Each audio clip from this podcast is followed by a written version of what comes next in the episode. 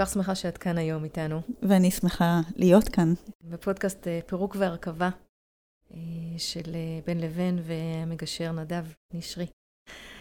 אנחנו נתחיל להציג אותך, ואז נצלול להמון שאלות שמאוד מעניינות אותי. אני בטוחה שעוד הרבה אנשים אחרים. אוקיי. Okay. אז דוקטור מור שחור הסטל, פסיכולוגית קלינית, מטפלת במבוגרים בפסיכותרפיה פסיכואנליטית.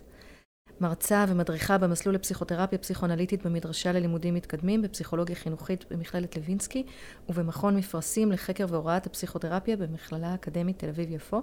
עבודת הדוקטורט שלך, סביבה נפגשנו, עסקה בהתמודדות של אימהות ובנותיהן עם גירושין וביחסים בין בני המשפחה לאחר הגירושין. Mm-hmm. כמובן ש... שההיכרות בינינו היא בין היתר כי את חברת ההנהלה הציבורית ויועצת מקצועית למיזם לבין לבין בהתנדבות. אה, שתומך במשפחות גרושות, ומעבר לכל זה, את חוקרת ומרצה בתחומים של פסיכותרפיה, תיאוריות פסיכואנליטיות, שכול ואובדן, והתמודדות עם גירושין במשפחה. ולסיום, שותפה לכתיבת ספרים שעוסקים בפסיכותרפיה ועמיתה במרכז לאובדן, שכול וחוסן נפשי באוניברסיטת חיפה. ואוניברסיטת חיפה זה גם המקום שנפגשנו. נכון, אני מאוד מאוד זוכרת את המפגש שלנו, שראיתי אותך בפעם הראשונה. אה, בעצם זה היה בכנס. אה, שהרציתי בו, שעסק בגירושים במשפחה, וככה מתוך הקהל המאוד רחב שהיה באולם, ניגשת אליי בסוף, והתפתחה בינינו שיחה אישית. אני זוכרת אפילו על מה דיברנו. באמת? אה, ו- וסיפרת לי על המיזם, ולא לא נתת לי להיעלם, ויצרת קשר אחר כך, ו- the rest is history. נכון. כמו הרבה דברים. נכון. אז אה, אני תמיד מרותקת מאנשים שחוקרים גירושין, והם עוסקים בהם ומספרים את הדברים, וההרצאה שלך באמת הייתה צוהר לעוד תחום מרתק בתוך עולם הגירושין של יחסי אמהות בנות. כמובן בתור אימא גרושה לבת, זה לחץ על כל מיני טריגרים, אבל מעבר לזה, מקצועית, זה באמת חיבור מופלא, אה, יחד עם בן לבן, וזו גם עוד הזדמנות להודות לך על התרומה שלך במסע המשותף שלנו כבר כמה שנים. אני כל כך שמחה להיות חלק. וחלק מה, מהמקום החשוב הזה, מהמפעל החשוב הזה, משהו שאני מאמינה בו בכל רמה חבריי. אז יש לנו הזדמנות אה, להרחיב קצת אה, ולדבר ככה שעוד אנשים יוכלו לשמוע, ולא רק מי שפוגש אותך בהרצאה mm-hmm. או קורא משהו שכתבת. ואולי נתחיל מה... יודעת מה? השורש של, של הקושי. בעצם אנחנו מתחילים בפירוק, בפרידה. מבן או מבת זוג, ומשהו שם נורא קשה, נכון? Mm-hmm. למה? מה, מה הסיפור הגדול שם? כן, אמרת את המילה פירוק. באמת, אה, החיים מתפרקים, אה, החיים שנבנו, החלומות, אה, התוכניות, האמונות לגבי איך, איך ייראו החיים, איך תראה המשפחה, איך החיים שלנו ייראו, של הילדים שלנו ייראו. ואני מדמה גירושים ל... לרעידת אדמה. הכל מתערער, הכל משתנה.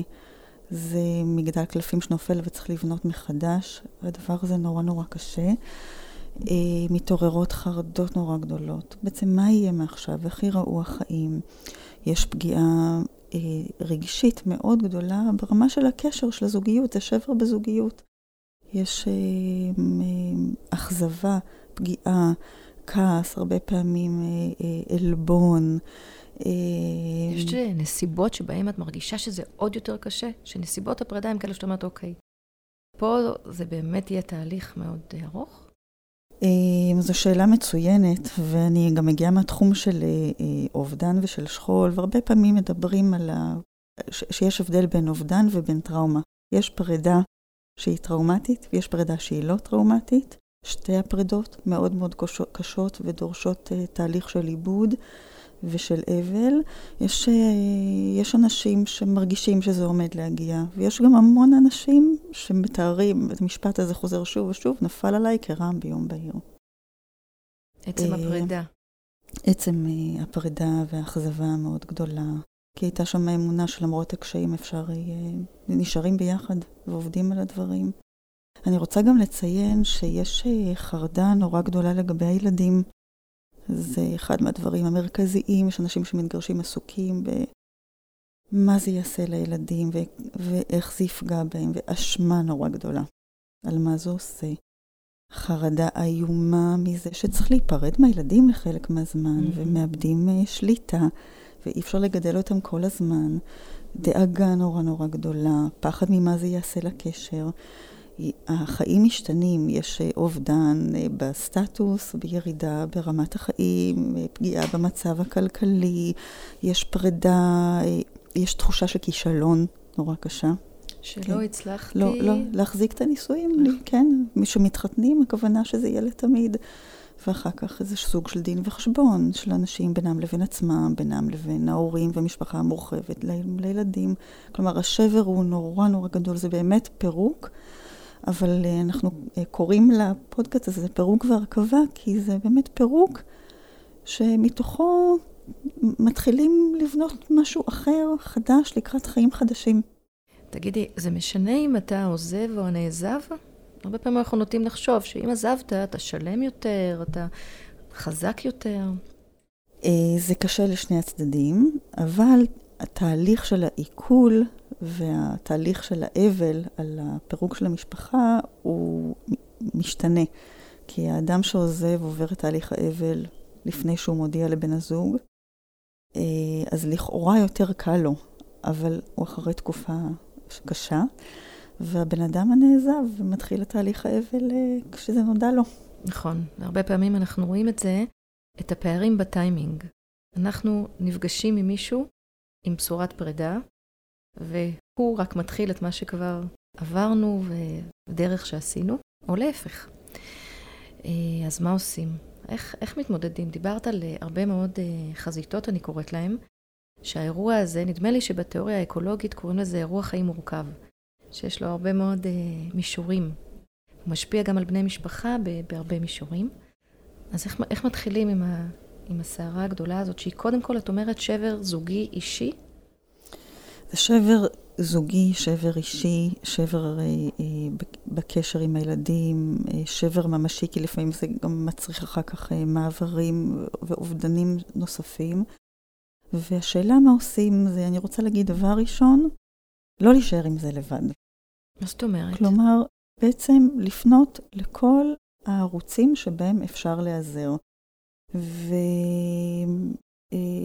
אה, וגם נורא חשוב, גם חשוב להתייעץ עם אנשים, וגם חשוב אה, לבחור טוב עם מי מתייעצים. Mm. ופה אני רוצה רגע להגיד. קודם כל, להתייעץ עם המעגלים המוכרים. יש חברים, חברות, בני משפחה, אמ, פונים גם לאנשי מקצוע בשלבים mm-hmm. האלה, למגשר, לפעמים לעורך דין. נורא חשוב לפנות לאנשים שעוזרים לנו להנמיך את הלהבות, שמכילים את החרדה ואת האימה.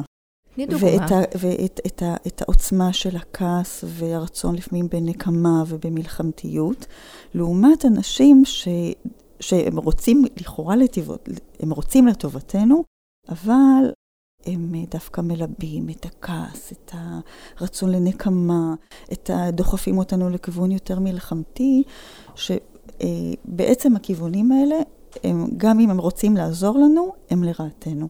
Okay? זהו ככל, ש... ככל, כן. שה, אה, ככל שהקונפליקט יהיה אה, גדול יותר, עוצמתי יותר, כדוי, ככל שאנחנו ניגרר למשהו מלחמתי יותר, זו מלחמה שבה כולם מפסידים, ונורא חשוב לי להדגיש את זה.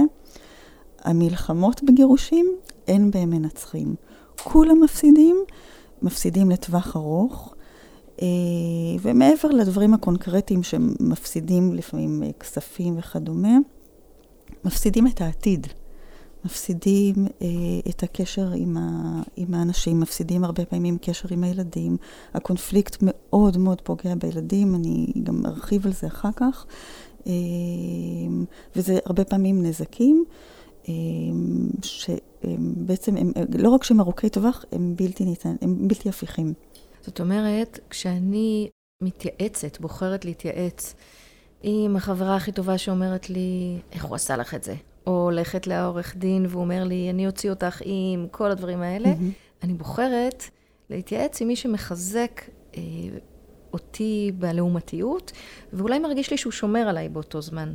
אני מזדהה עם העמדה הזאת, זה קצת, אה, את אומרת, כן. לטווח הארוך זה פחות טוב. כן, זו עמדה מורכבת, כי הסערה הרגשית היא כל כך גדולה, ולפעול באופן ככה אינטואיטיבי, רק אחרי הרגשות, ולקבל החלטות לא שקולות, זה משלמים על זה מחיר מאוד מאוד יקר אחר כך. אני רוצה גם לומר שנורא חשוב להתייעץ עם, עם, עם אנשי מקצוע לגבי כל מה שקשור לילדים. על איך לספר, ואיך להכיל את הילדים, ואיך להתמודד עם הסערה שהם יעברו, ואיך לשמור עליהם בצורה הטובה ביותר. כלומר, מה שאני אני ממליצה לא להישאר לבד, להתייעץ כמה שיותר, לא לחשוש, זה משבר נורא נורא גדול, לא להתבייש להתייעץ. זהו.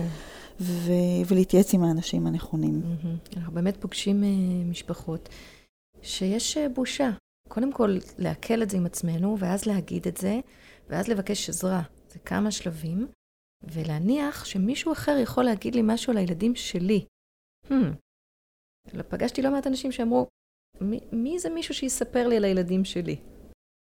אז אני רוצה לספר על אנשים שאני פוגשת. אני פוגשת אנשים מאוד חכמים, עם הרבה תארים ומקצועות מאוד מכובדים. אפילו פסיכולוגים, אנשים שיש להם הרבה ידע, אבל בתוך סערת הגירושים, משהו משהו מתבלבל בראש, חייבים לשמוע מישהו חיצוני שיעזור לעשות לנו סדר בבלגן בראש. לא להתבייש, כולם צריכים עזרה, וזה רווח אחר כך לשנים רבות, אם נעזרים. עוד דבר שאני רוצה להגיד, זה שלפעמים בתוך הסערה הזוגית, הרבה פעמים, אם זה באמת הגיע כרם ביום בהיר, אבל לא רק, אה, מאוד חשוב לאבד את הרגשות שמתעוררים בתוך הפרידה. רגשות כלפי בני הזוג, אה, כי אם נשארים פצעים פתוחים, הדבר הזה נורא מקשה אחר כך, גם על בניית חיים חדשים, על זוגיות חדשה. אני פוגשת לפעמים אנשים שחווים כעסים כל כך גדולים על בני הזוג, גם אם הגירושים היו לפני עשר, עשרים ויותר שנים. הדבר הזה עושה נזק אדיר, הוא עושה גם נזק אדיר מאוד גדול לילדים וליכולת שלהם להיות בקשר עם, עם שני ההורים, כי ברגע שיש קונפליקט חזק בין ההורים, אה, הילדים נמצאים באמצע, יש להם קונפליקט נאמנויות, הם סופגים, הם קולטים את הדברים האלה, וזה אה, בדרך כלל פוגע בקשר שלהם עם אחד ההורים או אפילו עם שניהם. ולכן העיבוד של הדברים, העיבוד של הרגשות הקשים הוא נורא משמעותי, ויש זוגות שמגיעים אליי כבר אחרי שהחליטו להתגרש, ואז מתחילים זוגי, טיפול זוגי, לא כי הם רוצים לשנות את ההחלטה, כי פתאום יש, סערה כל כך גדולה גם בתוך תהליך הגירושים, שהם מחפשים גורם שלישי שיעזור להם לדבר אחד עם השני, ללבן, להבין מה היה קודם, איך הגענו למקום הזה, והדבר הזה הוא אה, נורא חשוב להמשך החיים שלהם. מתי זה לא מצליח? מתי לא מצליחים לאבד את, ה... את מה שהיה שם? כי את מתארת את המודל שבו אנשים רוצים לחקור ולראות, כדי להיטיב את היחסים שלהם ואת ההורות שלהם, גם אחרי שכבר הייתה פרידה. את יודעת להגיד לנו באיזה מקרים זה לא ילך שמה? אני, כעמדה, אני אפילו לא רוצה לחשוב על זה. אני חושבת שאנשים שמתאמצים מאוד ומאמינים ובוחרים לטפל בדברים ולאבד אותם ולהיות באיזשהו סוג של שיח ודיאלוג בשביל לאבד את הדברים, הם יכולים לעבור תהליכים שיעזרו להם מאוד. כלומר, זה לא מצליח אצל מי שלא מנסה. מי שמנסה ומתעקש ועובד על הדברים, ירוויח מזה והמון. את תיארת את הילדים שהם אה, בין לבין, שהם בין ההורים, בתוך הכעסים, כמו שאת אומרת, שנשארים שם, כי הם לא עובדו. הייתה פרידה, היה פירוק, יש שני בתים, אבל הילדים, אה, את אומרת, מרגישים את מערכת היחסים הקשה במקדש שלא היה, אה, לא היה איזשהו תהליך. אז איך בכל זאת מצליחים להיות אה, הורים טובים דיים במצב כזה? הרבה פעמים, אני גם אגיד לך, הרבה פעמים כשאנחנו מדברים עם הורים גרושים, אומרים, הגרושה שלי היה גיהנום, הגרוש שלי, נורא, אני ממש עושה הכל כדי שזה יהיה, אבל זה לא מצליח. איך בכל זאת מצליחים להיות הורים טובים דיים במצב כזה? אמ, איך שבכלל הורים מאוד מאוד אה, מוטרדים לגבי מה זה יעשה לילדים, נתחיל מזה שילדים נפגעים מגרושים. החיים שלהם מתפרקים, הבית מתפרק, זה הדבר, זה מה שהם הכירו, זה כל עולמם הבית וזה מתפרק. אבל לא כל הילדים נפגעים במידה זהה, וילדים אפילו עשויים להיות מורווחים מגירושים או לפתח חוסן. וזה נורא נורא תלוי בהורים, ואני רוצה לדבר על זה. יאללה. בעצם מה, מה ההורים יכולים לעשות כדי שההורים ייפגעו כמה כדי שפחות. שהילדים. כדי שהילדים ייפגעו כמה שפחות, תודה. אמ, אז מה, מה בעצם קובע כמה ילדים ייפגעו? קודם כל, האישיות של הילד. אנחנו יודעים, יש ילדים יותר רגישים, פחות רגישים. אנחנו הפסיכולוגים, יש לנו מונח שאנחנו אומרים, יש ילדים סחלב וילדים חרצית. יש ילדים שהם ככה פשוט פורחים ו- ו- וילדים שמחים. ו- no matter what. no matter what. ויש ילדים סחלב שצריכים תנאים יותר מדויקים בשביל להוציא את היופי ואת את ה- את הפריחה שבהם. אז, אה, אז קודם כל, אה, אם לילדים יותר קשה, זה לא קשור, לא רק ההורים אשמים, גם יש ילדים שהם יותר רגישים. קודם כל, בוא... להגיד לעצמנו כהורים, יש ילדים שצריכים תנאים מיוחדים. כן. צריכים דיוק בתנאים, ואנחנו יכולים לעזור להם, אבל זה לא אומר שאת כל הרגישות שלהם זה עלינו. בדיוק. ככה קצת אני אומרת את זה ממקום של להפחית אה, אשמה.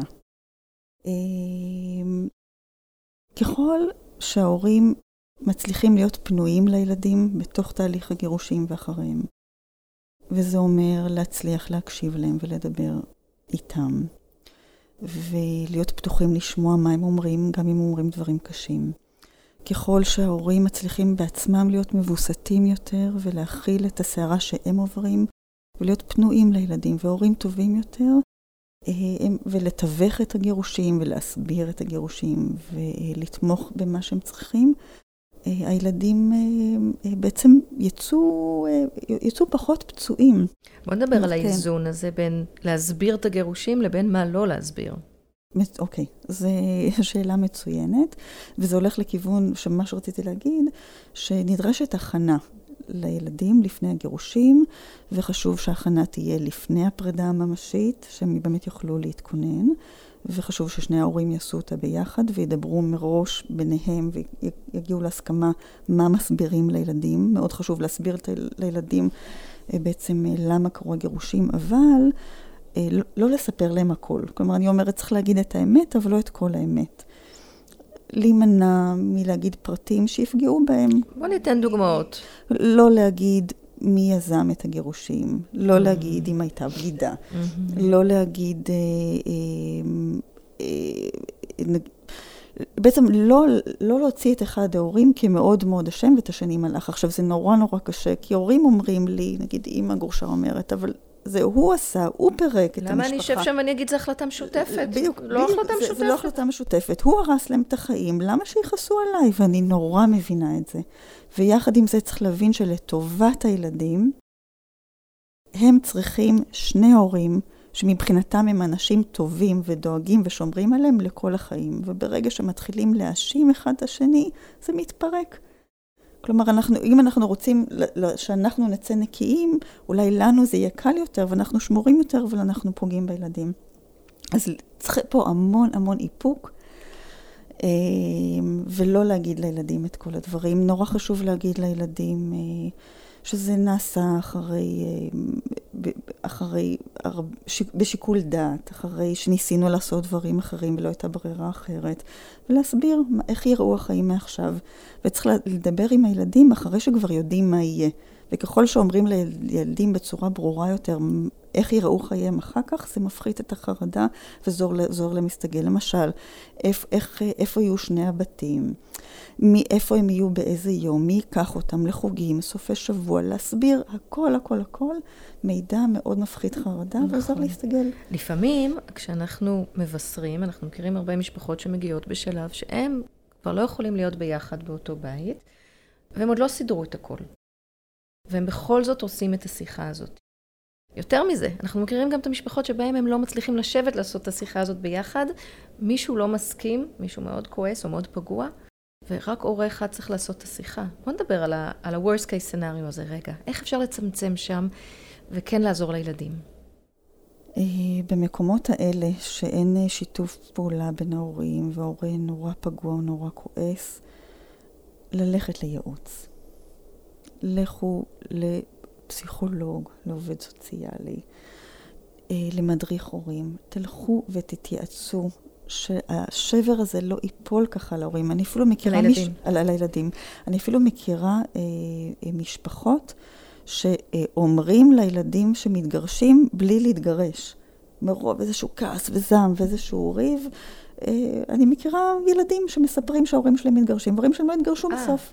זה עוד לא פגשתי, פגשתי הפוך. אה, לחשוב, לחשוב על הילדים, לנסות כל הזמן להחזיק אותם בראש, להבין שהם רגישים, הם תלויים בהורים, זה כל עולמם. כל טלטלה כזו זורקת אותם למקומות כל כך כואבים ומפחידים ועצובים, ו... ואני יודעת שזה קשה בתוך הסערה, ולכן צריך לקבל עזרה, צריך לקבל ייעוץ. אוקיי, okay. אז נגיד בשלב הזה שוב, אנחנו במקום האופטימי, שבו דברים קורים, אה, ו- ושינויים קורים בחיים, וזה בסדר, וכמו שמור אמרה קודם, אפשר לצמוח מהם. אבל בתוך, בתוך הרגעים האלה, בואו נחשוב איך אנחנו מווסתים את עצמנו כדי שנגיע לתוצאות אה, מיטיבות יותר. אז מה, מה הם מקורות הכוח, או איך נקרא לזה, העוגנים של הביטחון, שיכולים לעזור להורים, לעזור לעצמם ולילדים לצלוח את השינוי? אה, והשינוי הזה הוא לא רק רגע הפרידה, כמו שדיברנו על השיחה, אלא לאורך זמן. מה אפשר לעשות שם כדי שזה יהיה פירוק והרכבה, מדריך אופטימי? אה, קודם כל אמרת מאוד יפה, שבעצם איך ההורים יכולים לעזור לעצמם ולילדים, וזה תמיד בא ביחד כסוג של אה, עסקת חבילה, כי כשטוב להורה, טוב לילד. זה איזשהו אה, עיקרון בסיסי שנורא חשוב להבין. וזה גם בכלל קשור לגירושים. לפעמים, אה, לפני הגירושים, ההורים מאוד אומללים, מאוד עצובים, כועסים, מתוחים, רבים. זה לא סביבה טובה לילד. ולעומת זאת, אם משפחה כל כך סוערת, מתגרשת, ואחר כך כל אחד, אחד מההורים בונה משפחה יציבה, וההורה עצמו טוב לו, יותר מעכשיו במשפחה, זה לטובת הילד. כלומר, זה העיקרון הכללי. טוב להורה, הוא מאפשר, הוא מאפשר לילד סביבה טובה, וזה ככה, אה, מאוד אני משתמשת בדימוי או ב, של מסכת החמצן במטוס. שבסרטים שמראים לנו במטוסים לגבי מה עושים במקרה חירום, ונופלות ככה מה, מהתקרה אה, מסכות החמצן, אה, מנחים את ההורה לעשות משהו לא אינטואיטיבי, לשים קודם לעצמו מסכת חמצן ורק אחר כך לילד. ולמה? כי הורה לא יכול לעזור לילד אם אין לו עצמו חמצן, גם במובן המטאפורי. חמצן כלומר, שטוב לו, שהוא מוזן, שהוא רגוע, שהוא בטוח, שהוא מוכל, שהוא מטופל, ולכן תמיד הדבר הזה בא כמקשה אחת. אה, וזה אחד מהממצאים העיקריים של הדוקטורט שלי, שבעצם הילדים שהיה להם טוב יותר אחרי הגירושים, שהסתגלו טוב יותר לגירושים, שאחר כך פרחו מכל הבחינות, רגשית ותפקודית, זה הורים שלמרות הגירושים, ילדים, ילדים שלמרות הגירושים נשארה להם סביבה משפחתית בטוחה וטובה. ההורים של האימהיות עדיין היו פנויות ותפקדו טוב, והיה קשר קרוב, לא סימביוטי, זה חשוב לי להגיד, mm. אבל חשוב שיהיה קשר קרוב ולא סימביוטי, צריך נורא להיזהר ממשהו שקורה אה, לעתים במשפחות גרושות, שיש חילוף תפקידים, וההורים נשענים יתר על המידה על הילדים, וזה לא תפקיד של הילדים. לשאת ולהכיל את הבדידות של ההורה, או את החרדה, או את הדיכאון שלו, נורא חשוב שההורה יהיה משענת לילד. וגם לא להיות בני הזוג של ההורים. ולא, בדיוק.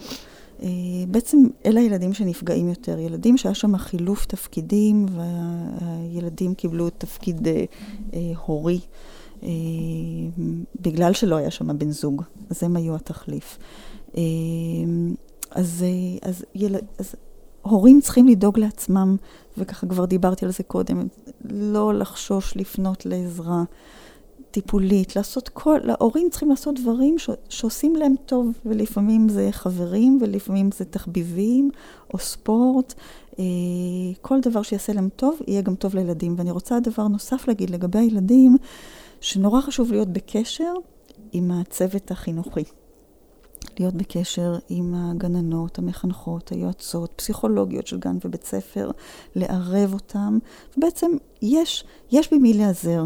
יש אה, גופים כמו בין לבין, שבין לבין נותן תמיכה אה, רגשית וייעוץ כלכלי וגישור. כלומר, משפחות גרושות צריכות מעטפת, יש להן מעטפת של צרכים שהם צריכים לקבל. אז לפנות אה, לעזרה דרך הערוצים הציבוריים, דרך ארגונים, כל אחד בדרך שמתאימה לו. אני אגיד רק שקודם אמרנו שכל עוד להורה טוב, לילד טוב, אבל אנחנו נשים פה כוכבית כזאתי, שאומרת שאם ההורה נורא טוב לו כי הוא, אה, מה שנקרא, נוקם בהורה השני שפגע בו, אנחנו לא מגדירים את זה כהורה שטוב לו. מעל, מעל העיקרון הזה שטוב להורה, טוב לילד, זה שילד צריך שני הורים אה, טובים דיים בעיניו, אה, הורים שהם לא פגומים, אה, פחות או יותר בעיניו, וככל שאנחנו משחירים את ההורה השני, זה לא טוב לילד. זה עושה נזקים אדירים לילד, ונורא נורא צריך להיזהר לא להשחיר את ההורה השני, ואפילו לא בתוך הניואנסים הקטנים של נגיד איך מדברים עם הילד על ההורה השני, או שואלים איך היה בימים אה, שהוא היה אצל ההורה השני. תעשו את כל המאמצים לא להעביר לילד את, ה, את הקושי, את מה שאתם חושבים, אם יש רגשות שליליים כלפי ההורה השני, כי הילד, כמו שאמרתי, נכנס לקונפליקט נאמנויות, וזה אחד מהדברים שיוצרים הכי הרבה נזק לטווח ארוך. כי אור, ילד זקוק לשני הורים, הוא זקוק לאהבה של שני הורים. ואם ההורים לא אוהבים אחד את השני, ומסוכסכים אחד את השני, או שונאים אחד את השני, זה יוצר איזשהו דיסוננס קוגניטיבי שאין לילדים איך להתמודד איתו. ו- וזה עלול להיגרר למצבים של בחירת צד, והתקרבות להורה אחד על חשבון ההורה השני, וזה לא טוב לילדים. הורים, צר... ילדים צריכים שני הורים. ספרי לנו קצת, ככה לסיום, על uh, ילדים שצמחו יפה, ילדות שצמחו יפה, קשרים טובים שהיו במשפחה, אולי מהמקרים היותר uh, אופטימיים שאת מכירה. יש הרבה, אוקיי? יש בינינו כל כך הרבה אנשים שגדלו במשפחות גרושות, והם אנשים נפלאים ומוצלחים, והקימו משפחות טובות, אה, והדבר הזה הוא אפשרי. זה המון המון בידיים של ההורים. נורא משמעותי, אני ככה רוצה להגיד, נורא חשוב איך להתגרש, אוקיי? נורא חשוב להימנע כמה שיותר מקונפליקט קשה וממושך. כל הזמן להחזיק בראש את הילדים. אנחנו פה בעד גישור, גם אה, נדב גישרי, שהוא שותף כן? שלנו לפודקאסט הזה. הוא מגשר גירושין, הוא מלמד גירושין, זה ממש שליחות שלו גם. ואנחנו בעד אה, לפרק את החבילה יפה, בשיח, ללמוד תקשורת, כי נצטרך אותה. מאוד מאוד מאוד חשוב. אה, וכל הזמן לחשוב איך זה בשביל הילדים. אפילו נגיד בזוגיות חדשה אחר כך, בפרק ב'. זה מורכב לילדים. אה, מורכב לילדים להכניס מישהו חדש הביתה. אה, עוד יותר מורכב אם זה מערכות יחסים זוגיות שמתחלפות. ואז כבר הייתה את הפרידה של ההורים של הילד, ואז פתאום יש בן זוג חדש עם ילדים חדשים, ויש חצאי אחים, אחים חורגים. אנחנו מכירים שיש הרבה משפחות כאלה, ואז זה שוב פעם מתפרק. מחקרים מראים שככל שיש יותר שינויים בחיים של הילד, של, שדורשים ממנו הסתגלות, זה פוגע, פוגע באיזושהי חוויה של ביטחון. אה, ומצד שני, נישואים מחדש וזוגיות טובה ופרק ב' זה יכול להיות נפלא. גם להורים וגם לילדים, אבל כל הזמן להיות מודעים למה, איך זה בשביל הילדים, ולהיות קשובים ולדבר איתם, ולהיות פתוחים. אני רוצה עוד ככה להגיד שיש, אנחנו רואים שילדים אה, הרבה פעמים נמנעים מלדבר עם ההורים שלהם בזמן הגירושים ואחרי, כי הם קולטים, ילדים הם נורא חכמים, כמה קשה להורים. והם לא רוצים להכביד, והם רוצים להיות ילדים טובים, ולא רוצים להעמיס. וזה משהו שקורה הרבה, ואנחנו צריכים לעודד שוב ושוב את הילדים באמת לדבר איתנו ולשתף אותנו, כי רק ככה נדע מה עובר עליהם ונדע, ונדע איך לעזור להם. ובואו נמחיש שלעודד זה לא להגיד להם, ספרו לי, אלא כשהם מספרים, להיות בהקשבה, לא במגננה. להרגיש את האשמה מבפנים, את הפחד מבפנים, אבל לא לתת להם לצאת, להיות שם כדי אה, לקבל את מה שהם מביאים, זה מה שיעודד אותם כן. באיזון חוזר להמשיך ולבוא כן. לספר לנו. כן, עכשיו בשביל שההורים יצליחו לדבר עם הילדים שלהם, הם צריכים להצליח לדבר עם עצמם. כי הרבה פעמים הורים לא מסוגלים לדבר עם הילדים, כי הדברים קשים מדי, כואבים מדי, זה פצע פתוח. אז שוב, אני חוזרת למה שאמרתי, הורים מטופלים יצליחו לטפל בילדים שלהם. נכון. ונחתום ונגיד שאומנם גירושין מאפיין כבר כל משפחה שלישית בישראל. אז זה כאילו מאוד שכיח, אז מה הסיפור? למה צריך ללכת לייעוץ? למה צריך ללכת לטיפול? זה קורה לכולם. אבל מחקרים של פסיכולוגים כמוך, של בעולם ובארץ, מראים לנו שזה המשבר השני בעוצמתו אה, בין האובדנים שחווה אדם, ולמרות שזה שכיח, זה שינוי שצריך אה, אה, להתמודד איתו בצורה מעובדת, ולכן אנחנו כל כך ממליצות על אה, ייעוץ, ו- mm-hmm. ואם צריך אה, אה, מידע וטיפול, כי עד גם שזה שכיח, צריך כלים כדי לעבור את זה, וצריך תמיכה כן. כדי להמשיך הלאה. וגם אני רוצה להגיד לסיום, כמו שאת אומרת, אה, אה, היקף הגירושים הוא עצום. אה, ב-2019-2016 אלף זוגות התגרשו, כלומר, מעגל הגירושים הולך ו... 14 אלף כל שנה. זה, זה כבר השתנה, תסתכלי. זה, זה 16 אלף. כן. אוקיי. אבל מה שאני רוצה להגיד, זה חלק מהחיים. גירושים זה חלק מהחיים, זה קורה, זה ימשיך לקרות, אה, ואנחנו כחברה צריכים אה, לעשות את הכל שזה יהיה שזה יעבור כמה שיותר uh, בטוב, שיעשה כמה שפחות נזק, גם uh, להורים, גם לילדים. וזה ברמה של מחויבות כקהילה, כחברה. צריכים לחבק את המשפחות הגרושות ולעזור דרך מערכת החינוך ודרך מערכת uh, משפט וחקיקה ומכל הכיוון, והרווחה. כן. כלומר, בעצם כולם צריכים לעזור למשפחות כדי שיעברו את השלב המשברי הזה לקראת הרכבה. שהפירוק יהיה טוב, שיאפשר הרכבה טובה והמשך חיים טובים אחר כך לכולם. אמן. תודה רבה, מור. תודה לך, מיכל, ותודה נדב נשרי על ההזמנה לפודקאסט. ועל האירוח. כן, היה נושא נורא, נורא חשוב לדבר עליו.